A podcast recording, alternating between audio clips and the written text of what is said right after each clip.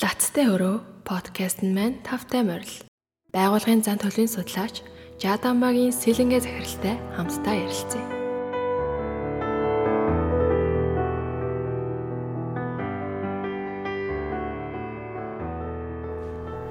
Өдөр тутмын бидний амьдралын хэв маягт их баг хүнд хөнгөн ямар ч байдал нөхцлөөр нөлөөлөх зүйлсийн нэг болох эрэлзээний тухай ярилцах гэж байна. За танд энэ өдрийн мэндийг хүргэе. Өдрийн мэнд За хамгийн ихний асуулт бол бид ямар нөхцөл байдлыг эргэлзээ гэж хардаг болон эргэлзээ дотроо ямар ялгамжуудтай байдаг вэ гэдгийг асуумаар байна. Эргэлзээ ямар нэг тохиолдол ямар нэг болсон зүйлийн дараа үүсдэг реакц хариу үйлдэл юм болов гэж бодоод байгаа. Жишээлх юм бол эдийн засаг зүгээр явж явах үед энгийн одоо темпер хөгжлөөр явж явах үед шинэ компаниудад удирдлагуудад төдийлгүүд хэрэлцээ үүсэхгүй. За одоо 2 жилийн өмнөөс хойш явж байгаа энэ цар тахал коронавирусын үед нэлээд олон компаниуд бизнесүүд асуудал тулгарсан. Түүний дараах олон газар бас эргэлзээ үүссэн болов гэж бодож байгаа. Санхүүгийн үед нэлээд одоо асуудал бэрхшээлд тулгарч байгаа. Хүндрэлүүдийг сөрөг талаас нь харж болох ч гэсэн бас хэр зэрэг тэнцвэрлэг стратегийн үед эрүүл урт хугацаанд төлөж чадсан нэгж компани газар байсан бай гэдэг бас шалгах шалгуур болдог баг.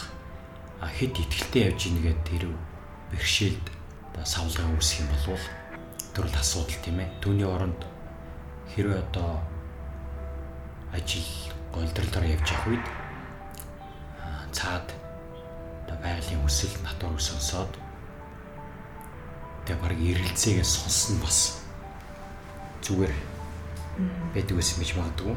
Нэгсэндээ эргэлзээд нэг реакц гэдэг талаас бас нэг юм дохио гэдэг утгаар ойлгож болох юм байна. Тийм үү? Болж байна тийм. Болж байна.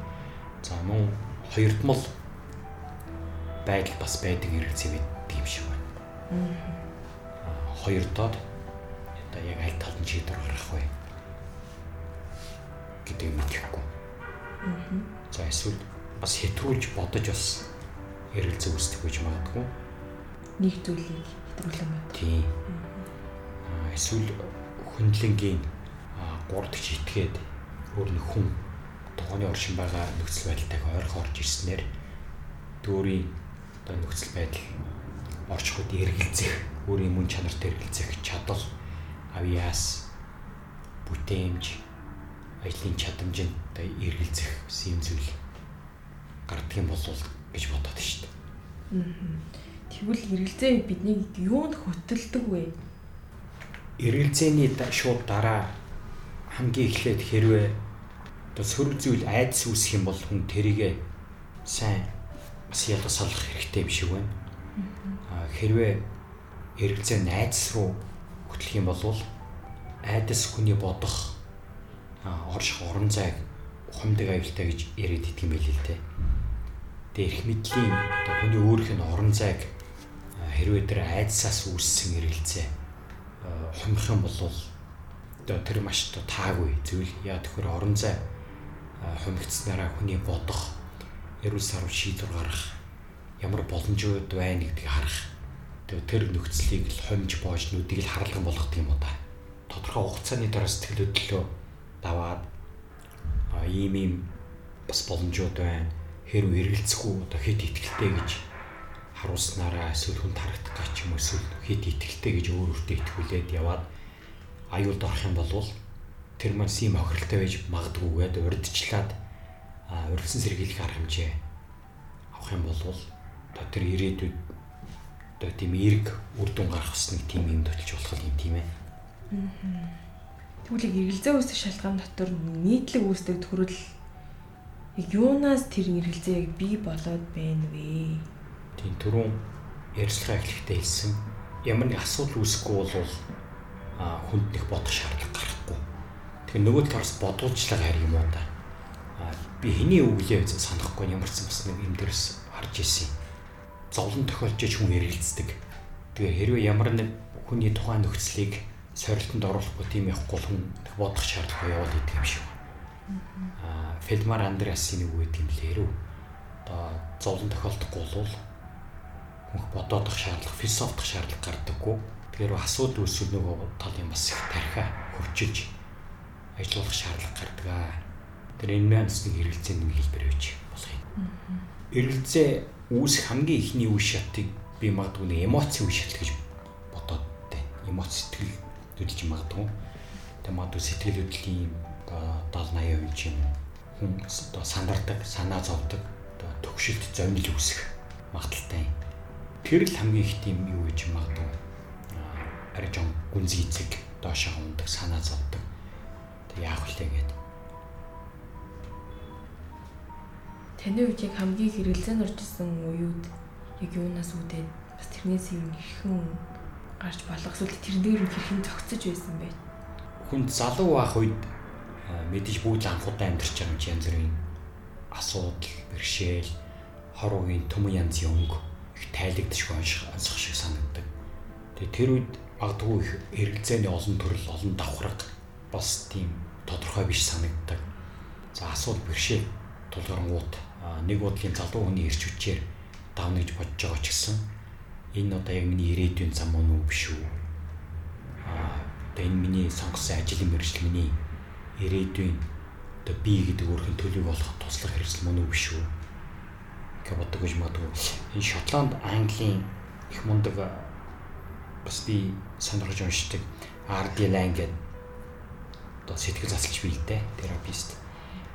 Тэгээ 16 настайдаа би ирээдүйд ямар хүн болох вэ? Хэрвээ ямар хүн байвал хаана ямар буудал дээр буул би их тийм одоо сэтгэл хангалуун, сэтгэл ханамжтай. Тэг өөрийнхөөрөө өөрхөн байгаа одоо бүх чадвар, чадам, чадварыг ашиглаж чадсан тийм байх уу гэж бодоод битсэн юм лээ.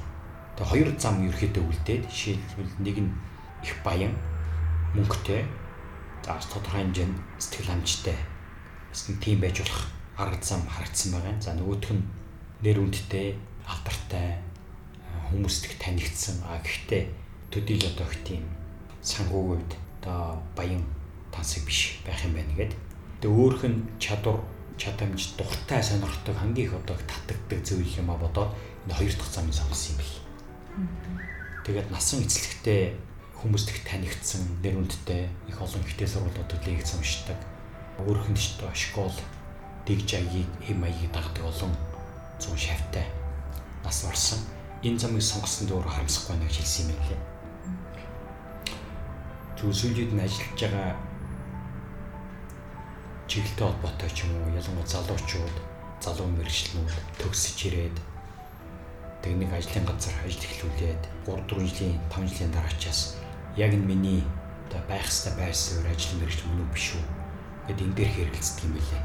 А магадгүй мэрэгжил сонгохдоо ч юм уу ээж явах айлтныг одоо зөвлөгөө дагсан за тэндээс хэрсэн тэг хүчин давтсан ч юм уу за эсвэл нөгөөх нь найзуудынхаа зөвснөр ингээ мэрэгчлээ сонгочдөг.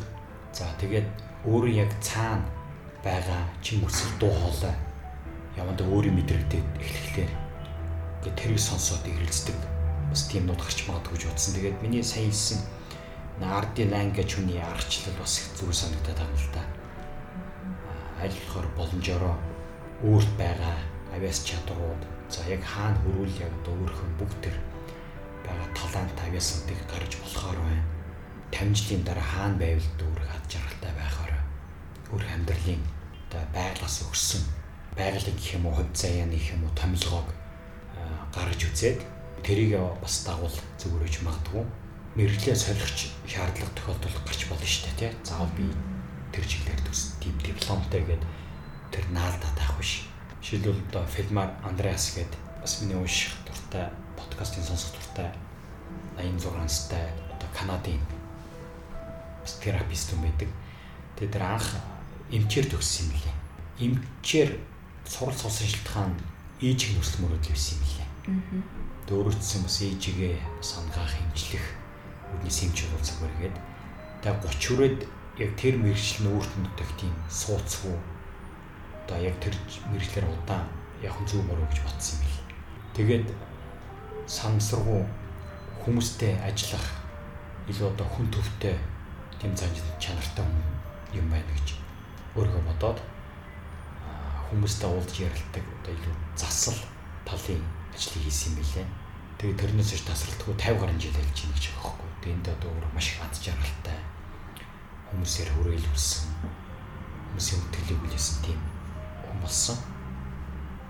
За хоёр дахь нь магадгүй зүгээр тухайн ажлын газар хэн нэгний одоо хүмүүсийн ч юм уу хүрээлэлд нөлөөлөлт автах эсвэл удирдлагатаа загнуулж зэмлүүлээд түүнээс үүсэн сэтгэл хөдлөл байж болно. А залуу хат бол биднэрт бүгд л байдаг эдэлтэй. Тэгэхээр сэтгэл хөдлөж ийн гэдэг тэрэнд одоо бүрэн дур автахгүй. А сэтгэл хөдлөлийг юу гэж хэлж болох вэ гэхээр одоо энэ гадаа орж байгаа цас ч юм уу цас шавраг эсвэл зуны одоо гинтийн аадар бороотой зөвөрж болно. Одоо цас шавраг шуурч ийн аадар бороо орж ийн гэдэг ажилдаа явахгүй ажиллахгүй болцооноос хоцрох хийж үсэхгүй аадар бороонцсон өдрийг хараад явдаг. Аадар бороо зогсно, цасан шуурга зогсно, марш хэрэгэл нар гардаг харахаар. Тийм бас хоёр төрлийн шалтгаанаас ялангуяа карьертэй, ажил мэргэжтэй холбоотой эргэлзээ үүсдэг гэж магадгүй гэж. Зүгээр миний 30 жилийн туршлагаас нэг тийм харагдацсан. Үнэхээр хүн өөрийгөө бүрэн таньж мэдээвгөөсөө болж эргэлзээнд орох нь их байдаг Тийм угаасаа л хэрэгэлцээ хүнд ань байгаа цагтууд хэрэгэлцээ дагалдаа яагаад гэхээр ань байгаа л эн чинь асуудал гарна. Угаасаа л зовлон бол дандаа ярина. Тэр дандаа амьдрал зовлон байдаггүй, дандаа хаз жаргал байхгүй. Түүнийгээ дагаад хэрэгэлцээ бол дандаа л үүсэх баг. Тэгвэл яг эсрэгээрээ бүр их ингээд жижиг юмд маш их эргэлддэг хүн байвал яах вэ? Жишээлбэл юу шлэх вэ? Өдөр тутмын жижиг асуудал бол бүх юмдаа ингэж хэрэгэлцдэг, тэнэглэдэг төрлийн гарч ирвэл. Одоо энэ бол ингээд амьдралын төлөвлөлт болон ажил мэргэжлэлээр хүнд үүсдэг хэрэгэлцээний тухай сайн ярьсан. Тэгэхээр одоо энэ бүр татвар ингээд байдаг. Яг ямар хүн үед хүн яг хөвчлэн тийм их хэрэгэлцээнд их ордог. Аль эсвэл бүр тийм их хэрэгэлцээнд ингээд орох болсон шалтгаан нь ч юм уу. Тиймэрхүү хүн та таарч байсан уу үнэн? Зүгээр өдөр тутам тавгүй төлсөн эргэлзээ олон дахиж тавтагдаад удаан гараад байвал хэрвээ одоо 18 20 нас хүрсэн бол зүгээр яг миний ч үг шиг дээ энэ янз бүрийн хүмүүсийн бичсэн ном маш их одоо сонирхолтой зөвлөгөө тэгээ хэрэгжих үз хэрэглэж болох үз зөвлөгөө гэдэг хүмүүсийн подкастыг сонсож байгаа орчноо соёл гэж хэлдэг юм байна лээ. Би бол тэрнтэй бас санал нэг байгаа. Тэрлэг байн байн тавгуудуудаа сэтгэл хөдлөлд оруулаад тахын тайван байж шийдвэр гаргаад тэргээ даах нөхцөлийг баллаад байгаа учраас орчноо сайж болно л доо. Жишээл хамаатны нэг хүнтэй төр зур хам байдаг ч юм уу. Эсвэл одоо бас үзэл санаа нэгтэй найзтайгаа бас нийлээд бас байх тэр нэг тайван байх орчныг бүрдүүлэх гэж чухал гэж магадгүй. Art of Loving гэдэг Эрик Фромын ном дээр гэдэг юм лээ эргэлзээ минь хэтрээ явчвал бас болохгүй. Бүр ингээ ужиграад хүн тэрэндээ цуцдаг. А эсвэл эргэлзээгээ дахид удаа үргэлжлүүлмээр юм бодохгүй yes no гэд хэлчих нь бас эрсэлтэй тийм ээ. Тэгэхээр хэсэг хугацаанд бодоод тодорхой хугацааны дараа тэрнээс гарна гарахгүй yes no гэдгээ бас хэлэхгүй болвол бас ужирхаар бар удаан стресстүүлээд байх магадaltaй учраас нэг гоё үг гэдэг юм л дээ хэрвээ нэг газар үгүй нөө гэж хэлэхгүй бол нөгөө газар yes гэж хэлэх боломжийг үгүй хичээдэг. Тэгэхээр зарим тохиолдолд зөрөгтэй нөө гэж хэлээд бас боломжийг харах бас тийм шаардлагатай байдаг юм билээ. Тэгээ насан турш хүмүүс бол ингэх боломжтой шүү дээ тий. А бага насны хүүхэд бол хэцүү л дээ. Ээж авын бас хар хяналтанд байдаг. Тэгээ бие даах боломжгүй тэгж болохгүй. Насан турсан сургалтад төгссөн бол өөрөөхөө шийдвэр гаргаад за зарим тохиолдолд зориг гарах шаардлагатай тэг явж иж болох бах. Заримдаа бид хүн бодоод бас одоо юу гэдгийг шин өөрх нь харилцааг докторгүй байлгаад байгаа тийм харилцаа бас байдаг тийм хүмүүсийн хооронд. Тэр тохиолдолд зоригтой нөө гэж бас хэлээд дараагийн харилцаа үргэлжлүүлэхгүй бол за эсвэл одоо гэдэг нөгөө найз залууга бодоод би үгүй гэж хэлж байна энэ тохиолдолд яадаг юм болоо бол бас залуучууд яриад харагддаг юм. Тэгэхээр тэр үнийг өрөвдөөд нөө гэх нь өөрийнхөө хувь тавилангийн бас түрүү ярьсан дээр байгалийн хувь заяаны томилтондоо эсэргээр хариулж ийн гэсэн үг. Өөрийн паразитлаад байгаа хүндээ нөө гэж хэлж чадахгүй бол өөрийн байгалийн цаад үзэл санаа томилгоонд yes гэж хэлж чадахгүй л гэсэн үг. Тодорхой хэмжээний зэрэгээс угаасаа л басцсан байгаа харилцаа хүмүүсийн хоорондын харилцаа эсвэл тогтцсон байгаа нөхцөлд бол бас тэр гардаг. Тэгэхээр no гэж одоо хэлээд хэрэгцээгээ таслаад илүү одоо үзэл санаа ч юм уу эсвэл өөрхөн ирээдүг бодоод тэрний хойноос бас яасан дээрж магадгүй. Их ойлгомжтой бууж байна. Одоо би яг миний хувьд бас нэг асуумаар байдаг нэг зүйлээс асуумаар байна. Тэр нь юу гэхээр эргэлзээ гэдэг тэр чигтээ өнгөрсөн цагийн хуурмаг байдал гэж ойлгож болох уу? Яг эргэлзэх үед юм тодорхойгүй харагддаг. Магадгүй саний асуулт асууж байгаа нөхцөл маань өөрөө тогтворгүй байгаа орчин ботсон бодлоос үүдэлтэй асуулт байна.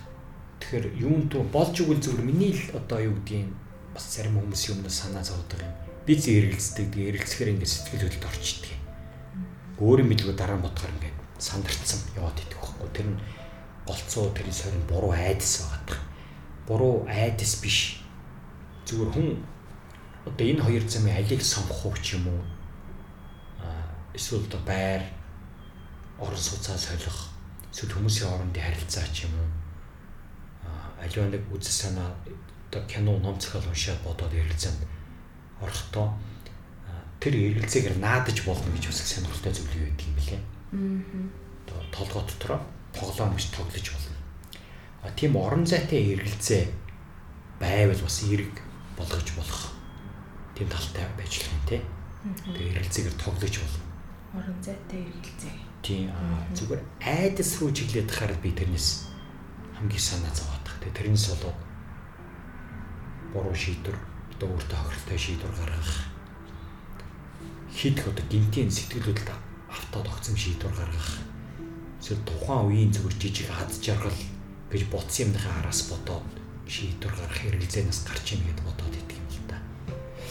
Зүгээр ингээ яваад хахаар бас юу руу ордог гэж магадгүй одоо ижиавын хүмүүжил эмээ өгөөс өвлөж ирсэн өгөгдлүүд дата тэр юм толботой.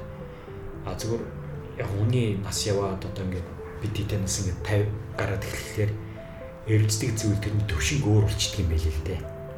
Магадгүй тийм суур асуудлуудад эргэлзээ үүсэх юм. Одоо баг тэр магадгүй одоо хүүхдүүд гадаад дотоодоо сургаар явждаг. Тэгэхээр тэрний аргас үдэ эргэлзээ ч юм санаа зовх гэдэг. Чи өөр төрөл болчдөг юм шиг. А болж өгд тэр үзэл санаатай тэр юм аа ингээд зэгцэлчих юм дараагийн эргэлзээнүүд тэр төвшөө марай жоохон амар болгоод идэх юм шиг санагдаад байна шүү дээ. Нас яв тусмал өөрөлдөл эргэлзээ болгон өөрөө сорилт. Тэр эргэлзээ давсны дараа хөнгө улам бас бяр суудаг байж магадгүй толгойдоо бас бяртаа болдог, бядаждаг. Тэр болгоны дараа дата нэгсдэг юм шиг. Ийм төрлийн дататай, ийм дата Тэгвэл би ийм хэрэгцээнүүд ашиглаж болно. Тэр ийм асуудал үед би ийм датагаа жоох ухаад үзье ч юм уу. Тэр насны нас тусны төвшнгөөрөө бас өөр өөр эргэлзээнд орж эхэлдэг гэсэн үг юм байна шүү дээ. Тий, бас одоо амьдралын үеуд. Аа. Тэгээ туулсан асуудал бэрхшээл. Эргэлзээ гэдэг сэдвийн хүрээнд бас нэгэн том зүйлийг агуулдаг хэсэг бол яг өөрөө өөртөө эргэлзэх гэдэг асуудал байдаг та дээр яг ямар бодолтой байдаг вэ? Амьдрал дээр угс их олон юм хэрэгэлцдэг. Эргэлзэж болно. Буддын шашинд ч гэсэн эргэлзэж болохгүй бас нэг зүйл хүн өөрөө юм байл л дээ. Тэр өөрийн байгаа, өөрөө орших үе. Тэр бол одоо цорын ганц эргэлзэж болохгүй юм. Тэрнтэй адилхан өөрийн амьдрал чухлыг гаргацсан шийдвэр байвал тэр нь бас эргэлзээд юм юм шиг нэсэх хугацаанд. Өөр хүмүүс юм уу? Орчин чамд эргэлдэж болно. Чиний байгаад эргэлдэж болно. Чи өөрөө харин эргэлдэж болохгүй. Эргэлзүүлээд байна гэдэг магадгүй нь өөр хүнтэй ч юм уу харьцуулаад байж болох юм те. Тэгэхээр хүний авяас чадвар өөрийн даган дуурах хүн гээд хүндгэж явдаг хүний авяас чадрыг даган дуурайж өөрийн одоогийн боловсролд хүн хэрэлдэж болно.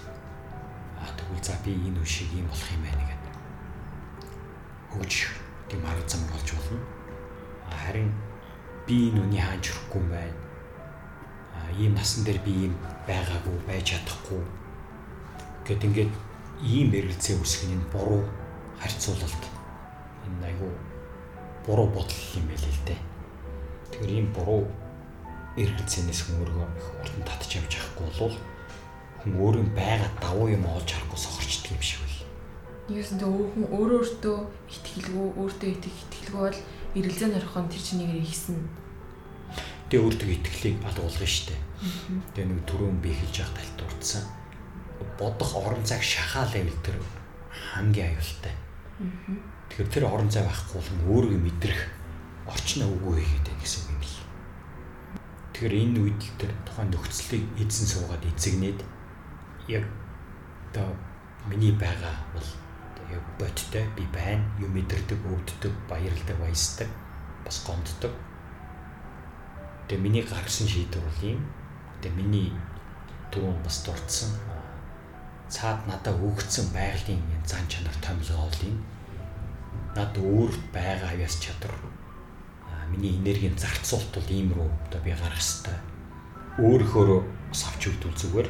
Ийм буруу хэрэгцээнд бол тэгэл нэг хайдас атаархал хардалт өөр өөртөө өмчлөх гэх нэг юм эго юмнууд гарч ирдэг л та юм шиг байна л да. Гэтэ эргэлзээ гэдгийг яг бусдад нээх нь хэрэг үр дүнтэй байдаггүй. Эсвэл яг өөртөө өөр өөртөө нүүр тулах хэрэгтэй байдаггүй. Эргэлзээ гэдэг эргэлцсэн үед уг нь ярьж болохоор ер нь хүнтэй байвал гэсэн. Ер нь байх ёстой гэдэг юм байл л дээ. Заавал эргэлзээг одоо юу гэдгийг нээх гэдэг тийм үр дүнтэй өөрт нь бас бодол санаанд нь нэмэр болчхоор тийм хүмүүстэй ярил үгүй зүгээр. Нэмэр болохгүй одоо юу гэдгийг найз ч юм уу эсвэл хамт ажилладаг хүнтэй нэг заримдаа их тохиромжтой биш байгаад гэдэг юм бий. Тэр гарч байгаа юм чинь бас дата те дата маань аль талд очиж байна гэдэг бас жоохон анхааралтай байхгүй болохгүй баг. Болж игэл ахмад хүмүүстэй ярилцах. Аа хүмүүс ч гэсэн тийм заримдаа амьдрал байсаар олцсон юм тийм хүмүүстэй манай ментор гэж явж идэх те бас нэг үл хэцүү юм шүү. Яа тэгэхээр эргэлзээ маань дандаа стресс дагалдана. Сайн стресс үеж бол муу стресс үеж болно. Болж үйл юу хаваалцах зүйтэй гэдэг. Болж үйл дотроо битээ авч үлдээрэй нэг үедээ хаваалцах зүгээр. Хэрвээ нөгөө тал нь сонсож байгаа бол бас заавал зөвлөгөө өгөх гэж ярах хэрэггүй юм шиг үл. Гэхдээ зөвлөгөө өгөөд идэх юм билээ заримдаа хэрэг буруу зөвлөгөө байвал бас осолтой шүү дээ. Тэгэхээр болж зүгээр сонсно гэж бодоод цаад үнэхээ санаа зов стресс эргэлзээ зүгээр сонсоо сууж хат явандаа тэр яриад өөр өөрхөө сард замыг бас олчдаг тал бий. Тэр ярих нь л үнцүйтэй юм байл л дээ. Би бас салуухтаа ярьдаг байсан юм аа. Тэг ярьдаг болцсон ер нь ярьсны үр дүн эерэг нь бол хамаагүй хэлтэй. Түрүүг ажлын байран дээр хүүсдэг эргэлзээний тухай ярьж исэн. Тэрэн дээр тань дээр яг өөр нэмэлтээр хэлэх санаа оноо байгаа юу? Яг тухайн хүн ялангуяа залуучууд ажилд ороод тухайн байгууллагад ажиллах хугацаанд өөртөө болоод тэр орчиндөө үр өгөөчтэй байлгая гэж бодох юм бол компани ялангуяа үүсгэн байгуулагчийн философи ертөнцийг үзэх үзэл компани яваад байгаа чиглэлийн аль нэг одоо нэмэн үртэг үүсгэж байгаа зөвхөн одоо тоон үзүүл санхүүг үзүүл бүтээгдэхүүн биш те нэмэн өртөг хаана байна хараад тэр үндэс үстэй өөрийнхөө стратеги чин үслийн аль нэг холбогдож байгаа давхцж байгаа талыг тодорхойлоод тэгээ 2 жил байна уу 5 жил ажиллах хугацаанд тэр нийцүүлж ажиллах уг нь тэр ажилтнаа ч гэсэн аяг өгөөчтэй юм л. Тэгвэл за би удахгүй гарах юм чинь гэдэг нэг дотроо бодлоо авч үлдчихээ тэр бодлоо гаргахгүй. Зөвхөн хэсэг хугацаанд ажиллана гэж цалин аваад яваад байгаа хайр нь л одоо цагийг дайрсан цаг аварсал юм юм л дээ. Ажлын байранд хотоо уучрах хэрэгтэй юм байна. Тийм.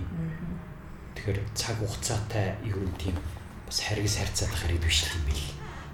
Яа тэр цаг хугацаа чинь Шинэ тэр байгууллагт 2 жил 5 жил ажилласан байвал тэр 2 жил 5 жилийн одоо хэдэн одоо 1600 хоног чинь тэр хүний цаг хугацаа.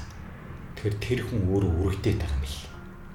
Тэр цаг хугацааны бодлоор бас цаг хугацааны төмөршөд тог тавилан илээн гэж хэрвээ түрүүний ярьсан тийм давцал байвал гэсэн өөртөө бас өргөжтэй байх талаас нь нэг байх хугацаанд л ажиллах юм бол төдийн хэмжээгээр одоо өөрөө юм сурна өөртөөс өгчтэй байдаг юм яригдаад байгаа шүү дээ. Тэгэхээр эргэлзээ гэдэг зүйлийг ангижрахаас илүү зөв ашиглах нь илүү үр дүнтэй гэж ойлгож болох уу? Яг үнэ.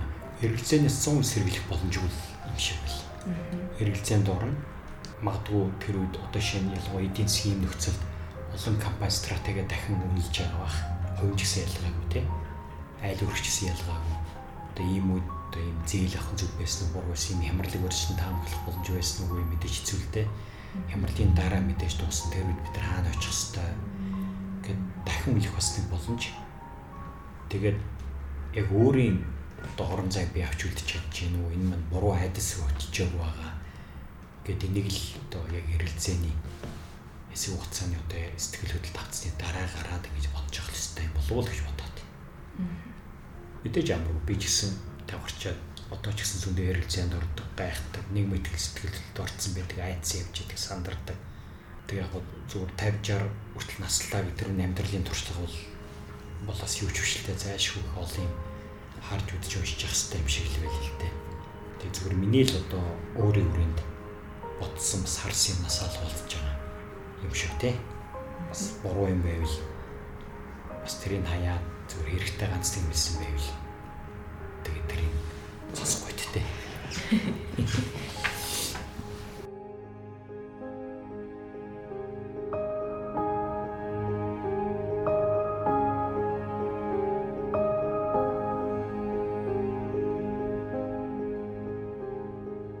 ярилцлагыг хүлээн авч сонссон танд баярлалаа. Бидэнтэй холбоотой санал хүсэлт сэтгэгдлээ нээлттэй хуваалцаарай. Таны ажил үйлс амьдралттай сайн сайхныг хүсье.